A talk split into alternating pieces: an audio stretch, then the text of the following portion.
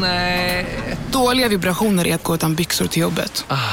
Bra vibrationer är när du inser att mobilen är i bröstfickan. Alla abonnemang för 20 kronor i månaden i fyra månader. Vimla! Mobiloperatören med bra vibrationer. Hej, Susanne Axel här. När du gör som jag och listar dig på en av Krys vårdcentraler får du en fast läkarkontakt som kan din sjukdomshistoria. Du får träffa erfarna specialister, tillgång till lättakuten och så kan du chatta med vårdpersonalen. Så gör ditt viktigaste val idag, listar dig hos Kry. Ja, Hallå? Pizzeria Grandiosa?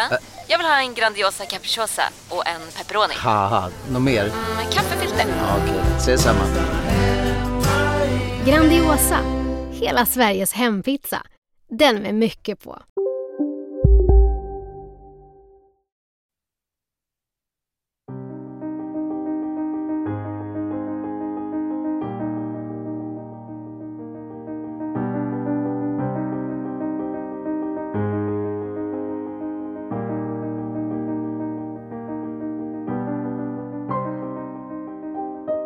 Hej och välkomna till eh, Må bra podcast eh, med mig Linnea. Och mig Isabelle. Eh, idag ska vi prata om depression. Vi kommer att börja med att gå in på vad depression är och mot slutet så kommer vi gå in på det som vi själva kanske tycker är mest intressant och det är vad vetenskapen säger om depression och träning. Och vi kommer också göra vårt bästa för att försöka besvara de frågor vi har fått. Eh, och där fokus då kommer ligga på en fråga kring corona och depression. Så det är vad ni har att vänta här i dagens avsnitt. Ehm, ska vi köra igång Isabel? Det tycker jag. Ja!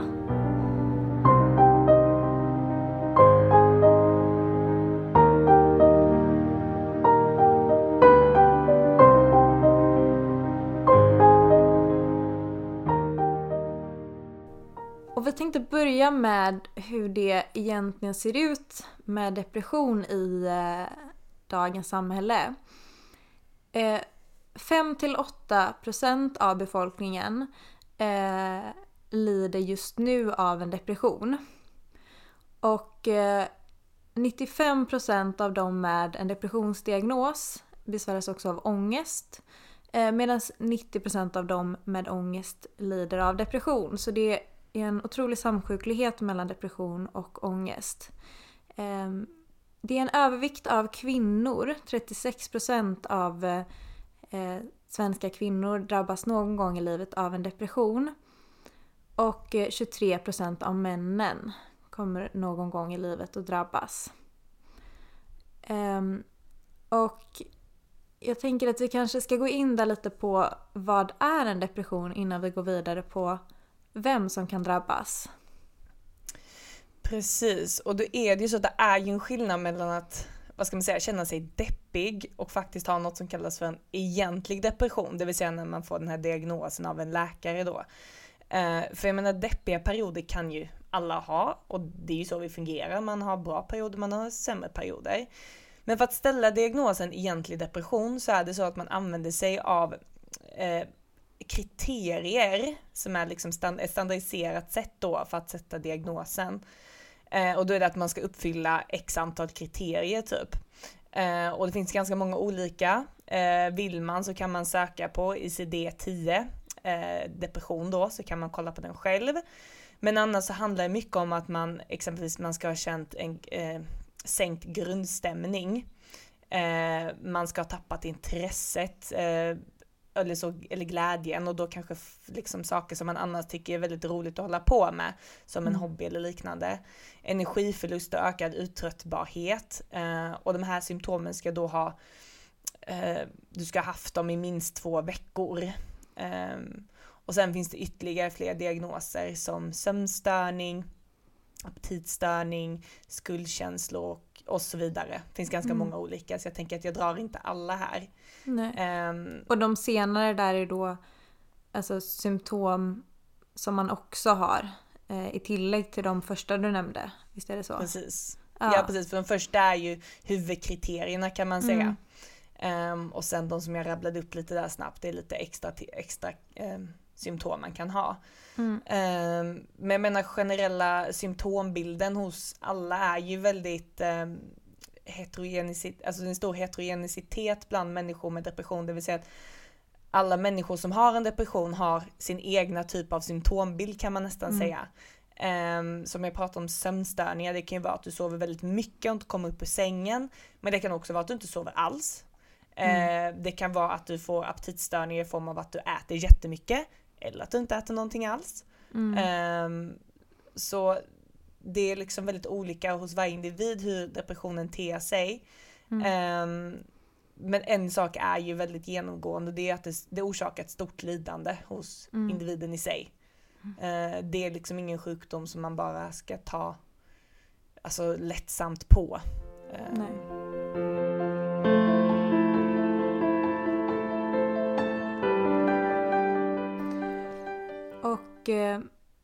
Vem är det då som drabbas av en eh, depression?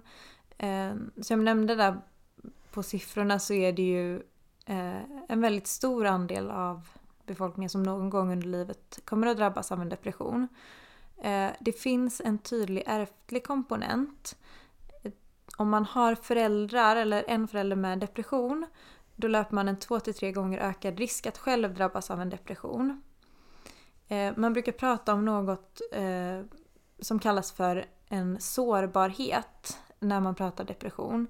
Eh, och där kan det innebär alltså att varje individ har eh, en liksom, lite olika trösklar eh, som om man med yttre faktorer, stress till exempelvis, eh, når över den här tröskeln eh, så finns det risk att drabbas av en depression. Något som då kan påverka risken för en eh, depression är om du har någon påverkan på immunsystemet, eh, neurodegenerativa förändringar, alltså förändringar i hjärna och eh, nervsystem, eh, ett missbruk, kvinnligt kön, som jag nämnde förut så är det vanligare hos kvinnor än hos män, och hög ålder. Det är vanligare med en depression hos äldre personer än hos yngre. Och eh, det finns även olika eh, mer yttre faktorer som kan orsaka detta.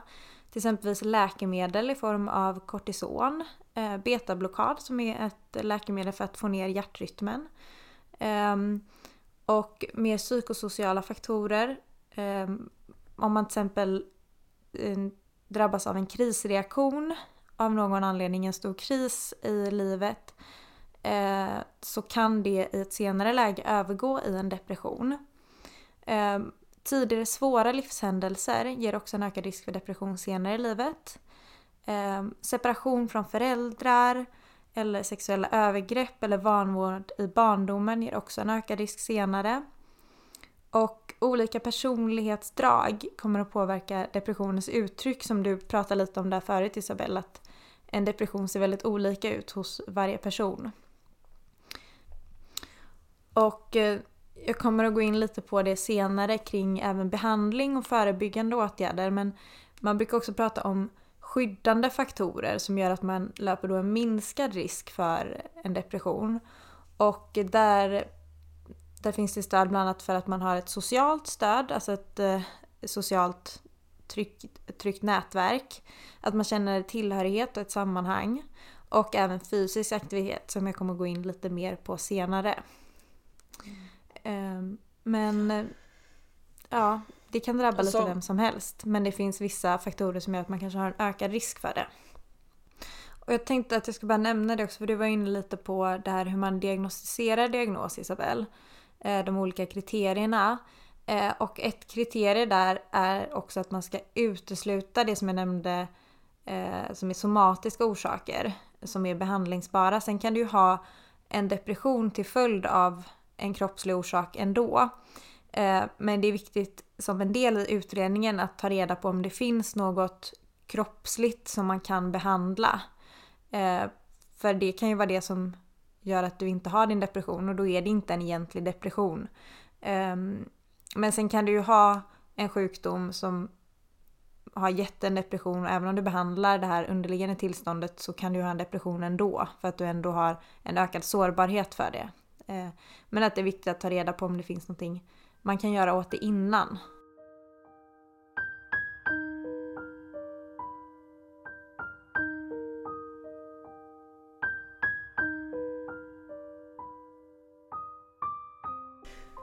Um, Okej, okay. så när man egentligen, jag är ju mycket, eller jag är inte mycket. Okej, okay, så här. Eh, depression är ju en psykisk sjukdom och det kan oftast vara ganska abstrakt att ta på. Men likt alla andra sjukdomar finns det ju något som heter en patofysiologi bakom, det vill säga att det är ju någon förändring i kroppen som man kan se eller mäta på något sätt och förstå att det är en sjukdom. Problemet är lite att vi inte vet på vilket sätt man gör detta inom depression för vi vet inte riktigt vad orsaken är. Men man har ju kommit, om man då ska ta lite så här konkreta saker som man faktiskt har sett skulle kunna bidra eller orsaka en depression. Eh, vi var lite inne på med det här med eh, att man kunde ha vissa genetiska faktorer som kunde predisponera en depression. Och då har man något som heter eh, serotonintransportör. Um, serotonin är ju ett ämne som eh, vi har pratat om innan, så när du får mer av det så ökar det ditt välmående kan man säga. Och eh, en, som ni många säkert vet så är ju serotonin något som man ofta, eller som man i första hand behandlar depression med oftast, när man ger läkemedel. Uh, och då kan man undra sig varför gör man det? Och då är egentligen svaret ja, de gav det någon gång för länge sedan av någon annan anledning och så såg de att det funkar och så har man fortsatt med det. Det är ungefär typ samma användning som vi använder Alvedon, paracetamol. Det ja. funkar. Ingen vet det riktigt funkar. Nej, mycket psykofarmaka bara, det, man har testat sig fram och så funkar det. Men det görs ju väldigt mycket studier på depression också, eller har ja. gjorts mycket liksom för att man vill få reda på vad det är. Men hur som helst, eh, då har man här eh, serotonintransportörgenen och att det är en transportör, det är egentligen bara det är ganska oväsentligt, transporterar serotonin på ett visst sätt. Men mm. man har sett att den här genen kan antingen vara kort eller lång. Mm. Och de som är födda eller har en kortare sån här gen, de har ökad risk att utveckla en depression. Och det är ju så att du får ju en gen från mamman och en gen från pappan så det kan vara att du har en kort och en lång. Och då har du en liten ökad risk. Men skulle du ha båda korta då är det ju en ännu högre ökad risk som man har. Uh, och detta är väl inte 100% bevisat att det är så här i detta fall, men det är en väldigt intressant teori som ändå verkar hänga med bland många psykiatriker, uh, som mm. jag har mm. förstått det i alla fall. Ehm, så det är en av de grejerna. Och sen när man också pratar lite om den här patofysiologin, alltså den sjukliga vävnaden kring sjukdomen, så har man ändå sett lite grann. Och det man har sett och det är att vissa delar av hjärnan är, eh, blir antingen lite mindre eller att de är mindre aktiva. Eh, vi har ju pratat mycket om hippocampus innan, så var den här kärnan i hjärnan som både var för stresshantering, hantera känslor och minne. Och den har man sett blir ganska, den blir mindre. Den ses oftast vara mindre i människor med depression. Man ser även att prefrontalkortex, det vill säga den eh, delen av hjärnan som sitter under pannan och som står för eh, med ditt logiska tänkande, moralen, problemlösandet. Eh, det enda man också sett var påverkad och det är fler områden i hjärnan som också är påverkade men här tänker jag att vi håller oss till dem här i alla fall. Um, och mer exakt um, vad som händer med de här och hur man har valt att kunna närma sig de här problemen med um, behandling, det kommer ni få höra snart.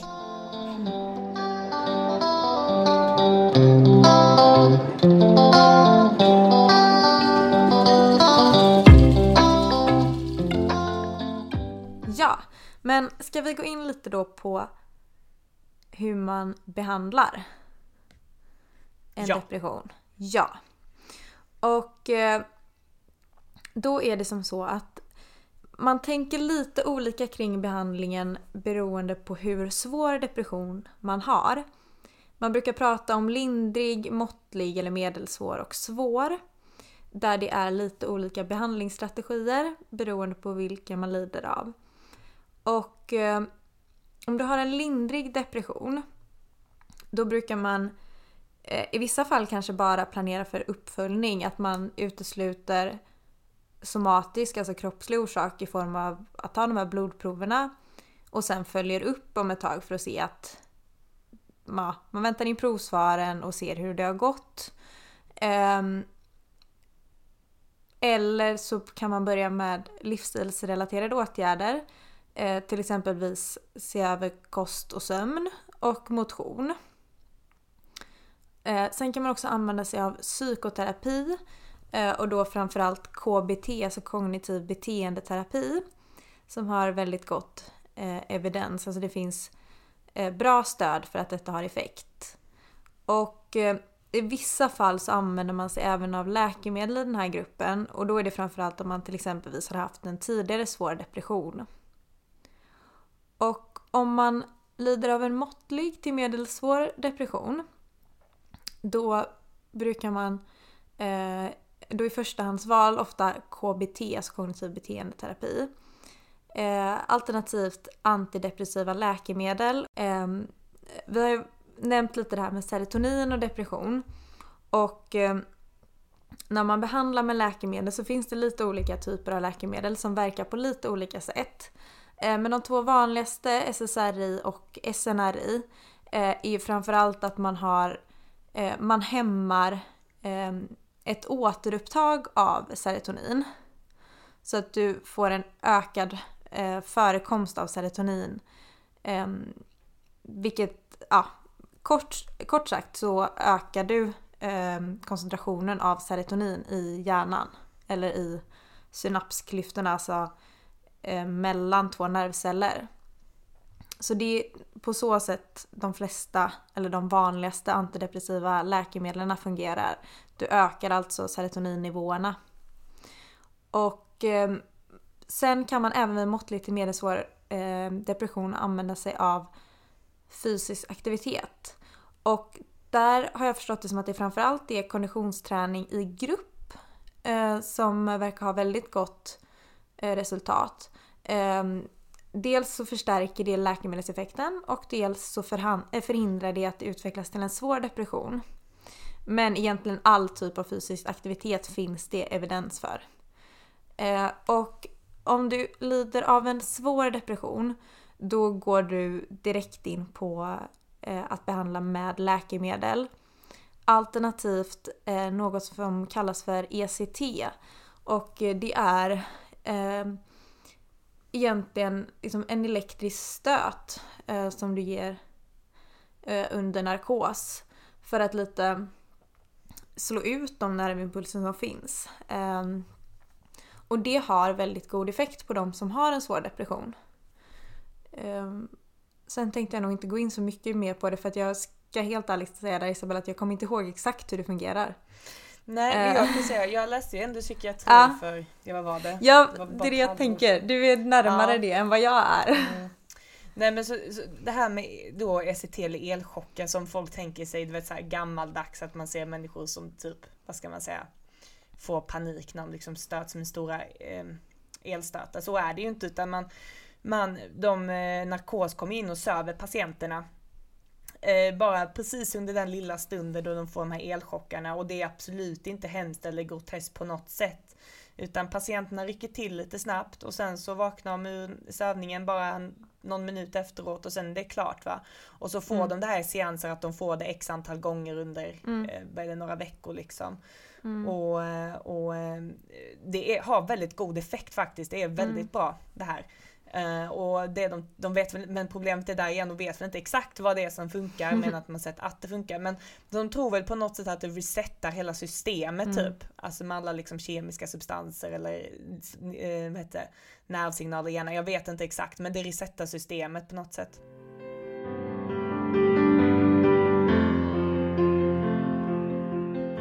det här med träning och depression, jag valde att djupläsa lite detta och liksom se lite hur detta jämförs med effekten av då läkemedel och eh, KBT då, sån här psykoterapi.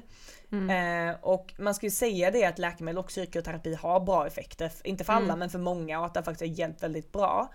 Eh, men problemet är också det att du kan få en del biverkningar av de här läkemedlen. Eh, och det är också att depression har en koppling till andra somatiska sjukdomar, det vill säga exempelvis kardiovaskulära, att har du en depression så kanske den ökar risk att få sådana här hjärt-kärlsjukdomar. Eh, och vad som är orsaken det är om det är depressionen i sig eller kanske att man äter väldigt onyttigt och inte, du vet man är trött, man äter kanske snabbmat. Om det är det som är orsaken, det kan jag inte lägga så mycket, vet jag faktiskt inte. Men just då med den här träningen så slipper du både biverkningarna från läkemedlen plus att du, du då eh, minskar risken för de här hjärt och kärlsjukdomarna. Eh, och sen och sen så har det ju då när man har börjat göra de här studierna liksom för att se vad skulle problemet kunna vara rent i hjärnan. eh, när man får en depression så har man faktiskt sett att de får, eh, vad ska man säga, sjukliga fynden man har hittat gärna hos en människa med depression, träning motverkar just de här eh, vad ska man säga, sjukligheterna som man hittar. Jag ska förklara det lite mer i detalj snart, men bara för att man ska mm. förstå poängen. Eh, och inledningsvis kan jag ju då säga, och då har man sett att människor som har en, eh, eh vad ska man säga, sämre kondition eh, har en högre risk att eh, få depression. Likaså de som har en bra kondition har en lägre risk att få depression. Och det är till och med mm. så att man har sett att de som har en låg eller dålig kondition har 64% högre risk att få depression. Så det är ganska alltså, signifikanta siffror. Mm. Um, och vad är då egentligen grejen med detta? Och då ska jag nämna också att det jag kommer prata om här det är ju framförallt alltså, träning över tid. Det är klart att tränar du en gång så får du lite dopaminpåslag och du blir lite bättre i stunden. Men de här effekterna jag talar om nu, det är liksom när du tränat under veckors tid, liksom, inte bara en gång. Um, och jag ska också nämna det att många pratar ju om vad är bäst, är det bäst att styrketräna eller är det bättre att gör, köra konditionsträning? Och vad jag har sett och jag, vad jag fått till mig, det är ju framförallt att det är konditionsträningar som har den här effekten som jag talar om nu idag. Eh, mm. Man kan tänka sig att styrketräning är inte dåligt, men det får inte samma effekt på hjärnan. Det har en annan funktion istället. Mm. Eh, sen kan man också nämna det att många som kör styrketräning, de får mycket, de får oftast bättre typ självförtroende och självkänsla det kan också vara en bra komponent i det hela. Mm. Eh, men det jag pratar om idag det är framförallt effekter vid långvarig, alltså träning under flera veckors tid från konditionsträning, alltså pulshöjande träning.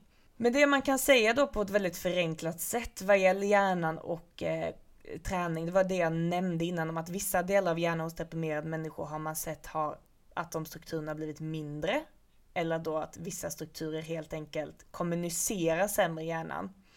Eh, och även att de får ett sämre blodflöde av blod till hjärnan. Och de här tre bitarna ser man hos många människor med depression och just de här tre bitarna kommer just träning att förbättra. Det vill säga att du kommer mm. få ett bättre blodtillförsel till hjärnan. Dina nervceller kommer att eh, prata, kommunicera mellan varandra bättre och du får Upptäck hyllade XPeng G9 och P7 hos Bilia. Våra produktspecialister hjälper dig att hitta rätt modell för just dig. Boka din provkörning på bilia.se xpeng redan idag. Välkommen till Bilia, din specialist på X-peng. Om en yogamatta är på väg till dig, som gör att du för första gången hittar ditt inre lugn, ett lugn du inte trodde fanns, som gör att du blir en trevligare partner, en bättre bilförare, en bättre kock. Du blir befordrad på jobbet men tackar nej, för att du inte längre drivs av prestation utan vill göra saker som känns meningsfulla i livet. Och, ja, eller ja, då finns det flera smarta sätt att beställa hem din yogamatta på. Som till våra paketboxar placerade på en plats nära dig och tillgängliga dygnet runt. Hälsningar Postnord. Psst! Känner du igen en riktigt smart deal när du hör den? Träolja från 90 kronor burken. Byggmax. Var smart. Handla billigt.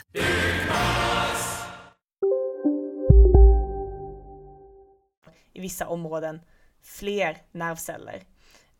Um, och som vi pratat mycket om innan så är hippocampus en av de här och hippocampus står ju mycket för stresshantering, emotionella eh, hantering av känslor och eh, minne och då är det ju inte så konstigt att vi pratade innan det här just med att det är väldigt korrelerat till stress eller till ångest också.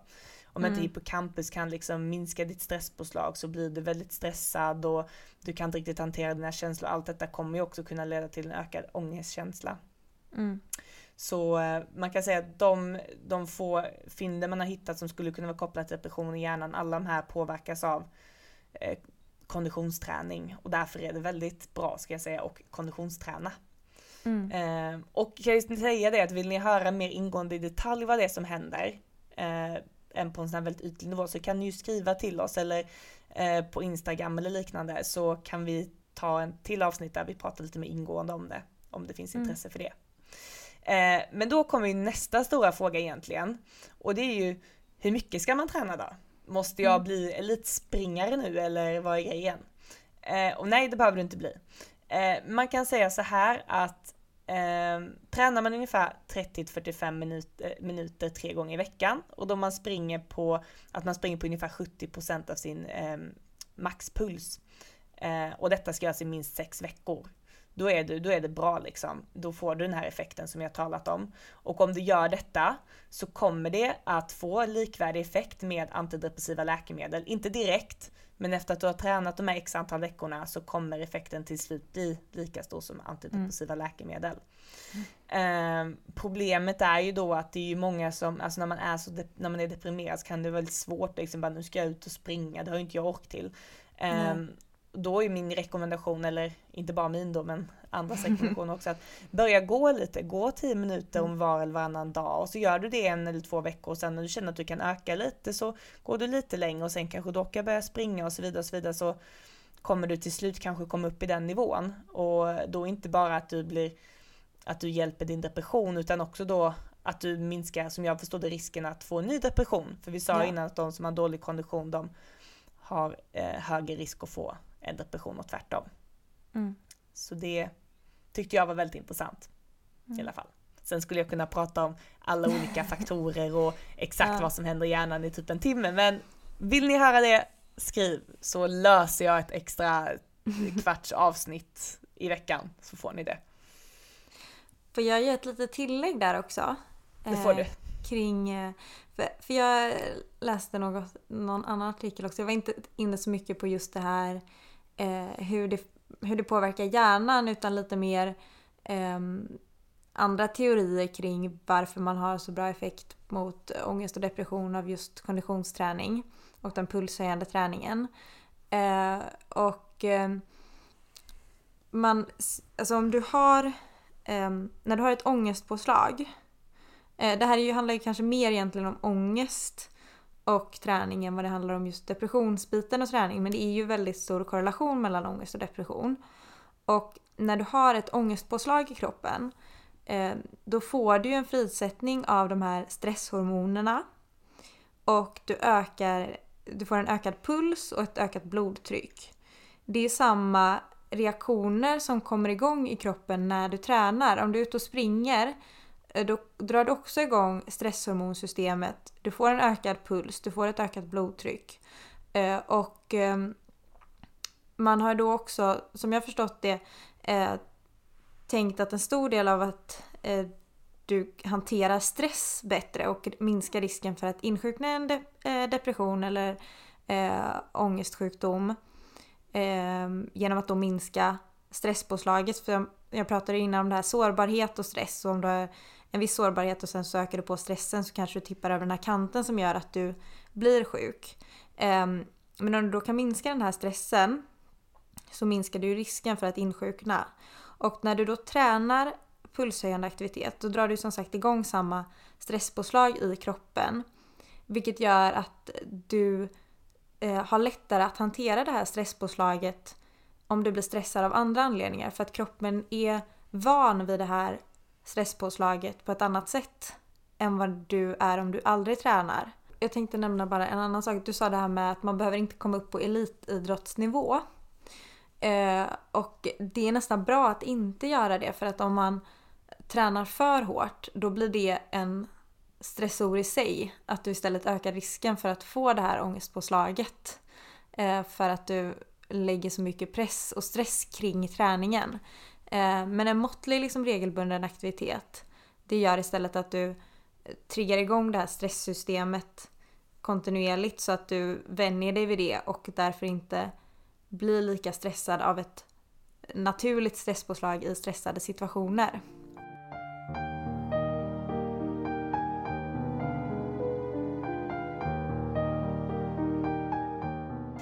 Yes, och nu tänkte jag prata om en, eh, presentera en ganska ny grej som har faktiskt börjat, tror man att använda, om de börjat använda den i England. Den finns i Sverige nu också tror jag. Men, eh, och det är egentligen något som kallas för antidepphjälm. Jag vet inte om ni har hört om detta och för att vara helt ärlig så tyck skrattade jag lite åt det första gången jag såg det men sen läste jag på lite om det bara hmm, det, ja, men det kanske är en bra grej. Um, och jag tänker vi kan lägga upp en bild på denna i vår, på vår Instagram som heter må bra podcast fast utan å det blir ett a. Ma bra podcast. Ja. uh, I alla fall. Uh, och för det, för det är enklare om man ser det framför sig men det är i alla fall, det ser ut som en, ett diadem ungefär där man har liksom som sitter lite över pannan typ. Eh, som då skickar små, eh, vad ska man säga, eh, elekt, vad heter det, liksom? El, Impulser. Ja, el, vad säger man? Elektro... Elektriska impulser. Elektriska impulser, precis det säger man. Ja. Eh, Inte så att jag har ont, det kanske pirrar lite som jag har förstått det, men det gör liksom inte ont. Ehm, och tanken är då liksom att det här ska vara bra mot depression.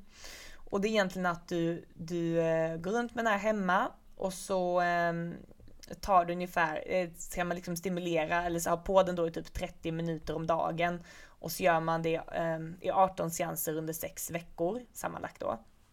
Eh, och tanken är väl lite att, som att den ska balansera aktiviteten i hjärnan, för man har då en teori om att, som vi pratade om innan, så den här främre delen av hjärnan är lite är påverkad under depression, den här prefrontalkortex. Och då förklarade det som att den ena sidan, alltså typ säg exempelvis höger sida av den här främre delen av hjärnan, är, har mindre aktivitet än den vänstra sidan. Och då så skulle då den här signal, den här elektriska stöten då ge på den sidan som har mindre aktivitet för att då balansera så att det är jämn aktivitet över hela hjärnan om man säger så. Eh, lite enkelt förklarat som jag läste på där.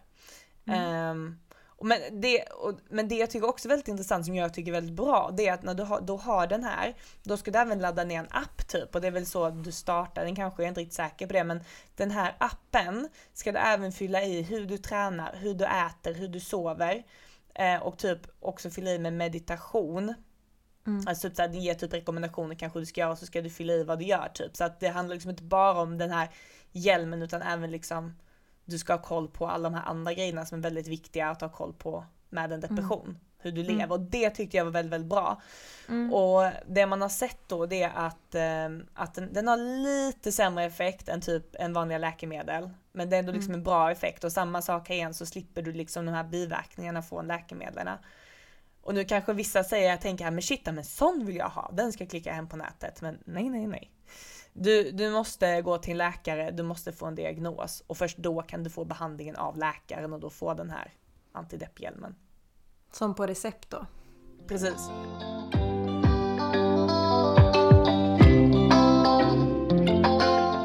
Första frågan vi hade där det var ju diagnos, mätinstrument och behandling. Och det har vi väl förhoppningsvis lyckats besvara här i början tänker jag. Eh, eller i början, men under hela eh, avsnittet. Ehm, och eh, sen nästa fråga som jag tänkte gå in på först det handlar om eh, coronadepression. Att efter nio månader med stress och oro så känns det som att alla är lite sköra. Eh, och eh, det är jag väl väldigt beredd att hålla med om. Eh, och det finns lite riktlinjer och lite hur man ska tänka kring det här. Ehm, för den här situationen som vi liksom lever i just nu eh, med en konstant, eh, konstant upp och nedgång eh, och nya restriktioner och eh, mycket oro eh, är kanske inte alls till det bättre för vårt psykiska välmående. Och eh, det kan dels vara en eh, stress och oro för sin egna hälsa, eh, för andras, sina närståendes hälsa. Eh, många upplever nog kanske en oro kring den finansiella situationen. Eh, man blir av med jobb eller väldigt liksom, osäker eh, jobbsituation. Och detta kan ge sömnsvårigheter. Ehm, det kan ge ett ökat intag av alkohol och tobak. Eh, Och eh, leder till både psykiska och fysiska eh, besvär. Och eh, det kan ge en försämring av tidigare om man har eh, en psykiatrisk eller en kroppslig sjukdom eh, sen tidigare så kan det här förvärras av de här orosmomenten och kanske förändrade levnadsvanor. Och de som är riskgrupper för en större stress under den här pandemin eh, Eh, det är dels de som löper en ökad risk för en svår sjukdom om man skulle få eh, coronaviruset. Eh, det är också barn och tonåringar, närstående till de som är sjuka, de som arbetar med sjuka, personer med ett missbruk eller de som förlorat jobb. Och om man lyssnar på den här listan så känns det som att det involverar större delen av vår befolkning just nu. För att det är många som är närstående till någon sjuk, jobbar med de som är sjuka eh, eller har liksom osäkerhet kring jobb eller har förlorat jobb. Eh, och hur ska man då hantera det här? Och vad kan man göra för att eh, skydda sig mot en psykiatrisk sjukdom i det här? Eller en, egentligen skydda sig mot en stress och oro kring situationen. Det viktigaste är att man försöker hålla sig uppdaterad och det känns som att det kan vara svårt idag tycker jag. Det kommer konstant nya riktlinjer och jag ska erkänna att jag som trots att jag liksom dagligen jobbar med de här patienterna så hänger jag inte med i riktlinjerna. Um, för det kommer så mycket nytt hela tiden. Och ehm, Men där är det viktigt att man kanske fokuserar då på vad behöver jag vad behöver jag veta om eh, aktuella riktlinjer? När behöver jag söka vård? Eh, vad ska jag liksom vara uppmärksam på för symptom som gör att jag faktiskt behöver söka vård och när ska jag bara kanske hålla mig hemma? Eh, för vissa kanske det handlar om att ta reda på vart ska man söka vård. Och eh, sen nästa viktiga bit är att försöka ta hand om både sin mentala och fysiska hälsa. Och som vi har pratat mycket om i det här avsnittet då så är träning en viktig del. Ehm, för att då minska som jag nämnde där förut att om du tränar regelbundet så blir det liksom du vänjer kroppen vid det här stresspåslaget och då får du liksom minskat stresspåslag av de här orosmomenten och eh, stressmomenten som råder just nu. Eh, och sen finns det också en del rekommendationer kring meditation. Och jag tänkte att vi kanske Isabel kan gå djupare in på meditation och eh, eh, hälsan i ett annat avsnitt för det tycker jag är väldigt intressant. Eh, men kort sagt så finns det eh, evidens, alltså vetenskapligt stöd för att meditation hjälper mot bland annat eh, sömnsvårigheter i form av insomni, alltså svårigheter att somna. Ehm, det finns också ett måttligt stöd, alltså ett måttligt vetenskapligt stöd för att meditation minskar ångest och även depression. Så om man liksom ska sammanfatta det här så ja, man löper en ökad risk för ångest och depression under rådande pandemi. Och det man kan göra för att liksom skydda sig själv mot det är att håll dig uppdaterad, träna och försök även att meditera. Och försök hålla koll på eh, att hålla vardagliga rutiner i form av att du sover när du ska sova och du äter när du ska äta. Även om det kanske är svårt när man jobbar mycket hemifrån och håller sig mycket eh, isolerad. Och viktigt att också hålla kvar i sina sociala kontakter även om det kanske inte kan ske på samma sätt som det har gjort tidigare. Men ett sammanhang är liksom en viktig skyddande faktor mot en depression så försök liksom hålla kvar dina kontakter och ditt sociala nätverk men kanske över ett telefonsamtal eller en promenad utomhus istället för att sitta inomhus på ett café. Ehm, jag hoppas att det gav lite svar på den frågan.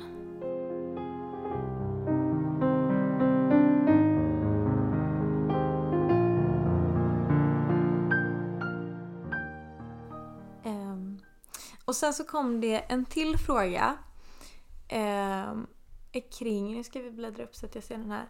Eh, om balansen mellan att vara person och personal som pratar eh, om problemen eh, med sina vänner och sen kunna liksom ge sina egna problem utrymme. Och eh, jag eh, jag är nog lite osäker på om det här handlar om just eh, depression eller om det här är mer allmänt kring den här balansen. Eh, att eh, liksom jobba eller studera till läkare eller någonting inom vården och att själv kunna ge utrymme för sina egna problem. Och att ha lite kanske hur man ska hålla den balansen. Ehm, jag är lite osäker på hur jag ska tolka frågan och jag tänker att det kanske är något vi kan komma in på lite ytterligare i andra avsnitt också. Ehm, men eh, ett helt ärligt och rakt svar, bara personligt svar på den frågan är att jag tycker det är jättesvårt själv. Um, men jag tror att man kanske... Um, och det här är också, det, det, här är inte heller något vetenskapligt stöd i det jag säger nu utan det här är bara mina egna tankegångar. Jag tänker att du också får fylla i sen Isabelle. Mm. Uh, men jag tänker att det kanske är viktigt att uh, dels uh, sätta gränser för när man känner att nu kan inte jag ta itu med dina problem eller nu kan inte jag helt och hållet förhålla mig på rätt sätt. Eh, antingen som kanske vän eller som mer personal. Eh, och att också kunna, att man måste ge sig själv utrymme att vara tydlig men när man själv eh, behöver ta upp sina egna problem. Och jag vet att det är absolut lättare sagt än gjort. Eh, och man måste nog kanske hitta, hitta fel balanser där ganska många gånger innan man hittar rätt. Um, men att man ska försöka uh, acceptera att man själv också är en människa i det hela och inte alltid har svar på saker och ting. Uh, och kanske inte alltid måste ha något slags vetenskapligt svar på det utan att man kanske får eh, ge plats för sina bara tankar och grubblingar och sitt egna eh, välmående eller ibland liksom kanske inte så välmående. Men jag kan tycka det är svårt för att man lägger så mycket tid eh, när man är liksom ute och jobbar på att hela tiden ta in andras eh, tankar och eh, eh på vilket sätt de inte mår bra. Att man är så van vid att sitta och lyssna på de bitarna. Eh, att jag vet att jag själv kanske inte alltid reflekterar eh, i mer vänskapsrelationer kring att oj men vänta lite nu. Eh, nu är jag mer en jobbroll än vad jag är en vänroll. Att man blir liksom så van vid att bara sitta och ta in att man inte riktigt ger utrymme för eh, sina egna liksom, reflektioner eller sina egna Eh, problem i de diskussionerna. Eh, så jag, jag, kan förstå, jag förstår helt och hållet svårigheterna med balanserna om det är så att jag förstår frågan rätt. Ehm, men jag har nog inte något jätte, inte alls något bra svar för att jag jobbar fortfarande själv på det. Men jag tycker att allt som tiden går eh, så lär man känna sina egna liksom, eh, gränser åt båda håll och vad man behöver för sig själv och för sina relationer och att det kommer lite med tiden. Ja, det är spännande. Men om någon av er där ute har något bra tips eller tricks så får ni jättegärna Så tar jag jättegärna emot det. ja, både vi och så kan vi dela så att andra också kan få det. Vi behöver ja. inte säga vem det är som har skrivit det. Men jag Nej. tänker att alla kan nog behöva lite tips och tricks inom detta. Mm. Och om du som ställde den här frågan eh, känner att vi inte riktigt svarade på rätt fråga eh, så får du jättegärna återkoppla också så kan vi göra ett nytt försök.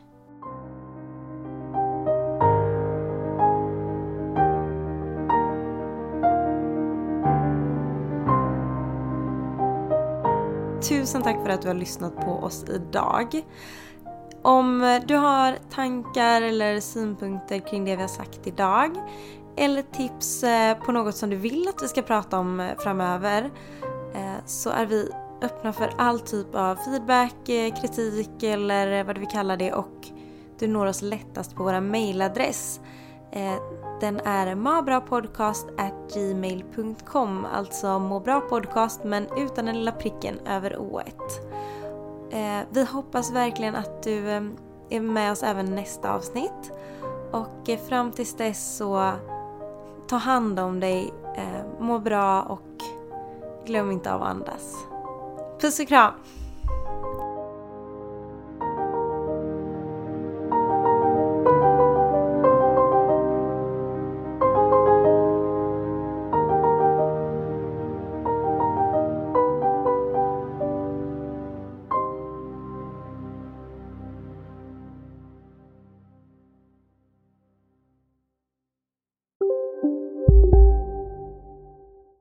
Välkommen till Unionen. Hej! Eh, jo, jag ska ha lönesamtal och undrar om potten. Ja, om jag kan räkna med övertidsersättning för det är så stressigt på kontoret jag jobbar hemma på kvällarna så kan jag då be om större skärm från chefen för annars kanske jag säger upp mig själv. Och hur lång uppsägningstid har jag då? Okej, eh, vi börjar med lön. Jobbigt på jobbet. Som medlem i Unionen kan du alltid prata med våra rådgivare. Du, åker på ekonomin. Har han träffat någon? Han ser så happy ut. Var det onsdag? Det är nog Ikea. Har du dejtat någon där eller? Han säger att han bara äter. Ja, det är ju nice alltså.